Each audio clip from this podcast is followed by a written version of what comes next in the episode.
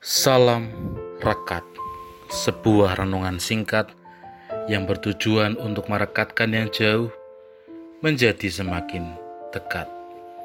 Rekat hari Senin 3 Januari 2022 diberi judul Siapakah kita di hadapan Tuhan? Rekat hari ini dilandasi firman Tuhan dari Injil Lukas 8 ayat 16 sampai ayat 21. Nazar ini diambil dari ayat 21. Tetapi ia menjawab mereka, Ibuku dan saudara-saudaraku, ialah mereka yang mendengarkan firman Allah dan melakukannya. Demikianlah firman Tuhan.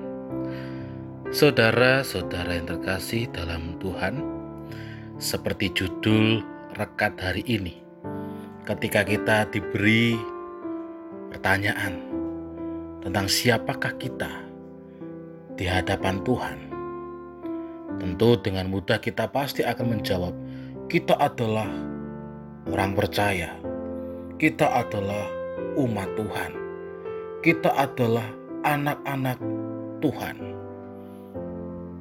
Kita adalah orang-orang yang dipilih oleh Tuhan. Mungkin itu beberapa jawaban yang akan keluar ketika kita ditanya siapakah kita di hadapan Tuhan.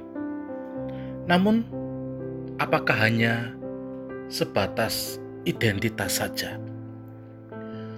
Apakah kita hanya sebatas anak-anak Allah? Atau kita hanya sebatas orang percaya?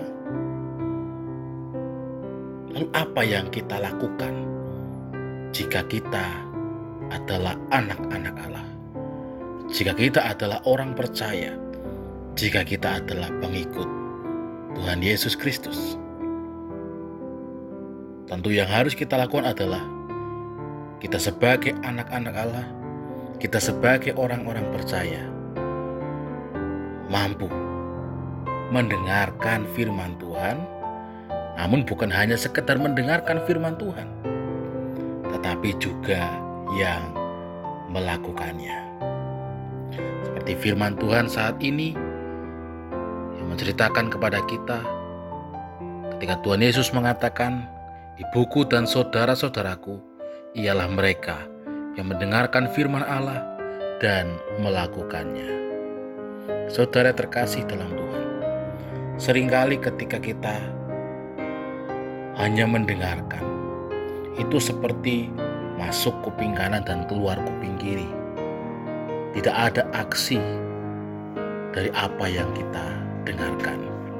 Namun melalui firman Tuhan saat ini mengajak kita supaya di dalam memulai tahun baru 2022 ini kita bukan hanya sekedar menjadi anak-anak Tuhan yang hanya mendengarkan, tetapi juga yang melakukan kehendak Tuhan dalam hidup kita. Amin. Mari kita berdoa. Tuhan kami mau menjadi anak-anak Tuhan yang tidak hanya sekedar mendengarkan firman Tuhan, namun juga yang melakukan kehendak-Mu. Amin.